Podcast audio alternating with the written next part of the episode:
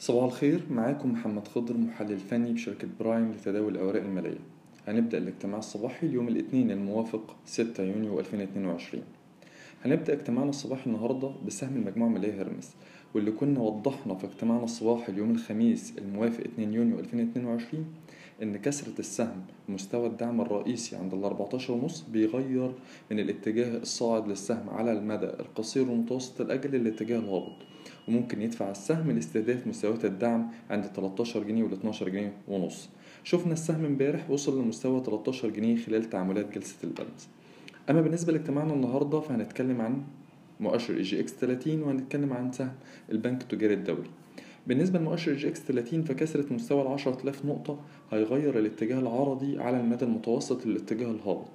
وممكن يدفع المؤشر للمزيد من الانخفاض لمستويات الدعم التالية عند 9800 و 9200 بنأكد على إن مش معنى إن المؤشر غير اتجاهه للاتجاه الهابط إننا نفعل استراتيجية البيع لكل مكونات المؤشر. ولكن الأفضل ومن الضروري إننا نراقب مستويات الدعم الرئيسية لكل سهم من أسهم مؤشر جي إكس 30 بشكل منفصل. أما بالنسبة للجزء الثاني من الاجتماع والمتعلق بسهم البنك التجاري الدولي السهم لسه محافظ على اتجاهه العرضي واسع النطاق على المدى المتوسط ما بين ال 37 جنيه وال 54 جنيه. أما بالنسبة على المدى القصير فكسرة مستوى الدعم 40 جنيه في سهم البنك التجاري الدولي ممكن يدفع السهم لإعادة تجربة منطقة الدعم ما بين ال 38 جنيه وال 37 جنيه. شكراً.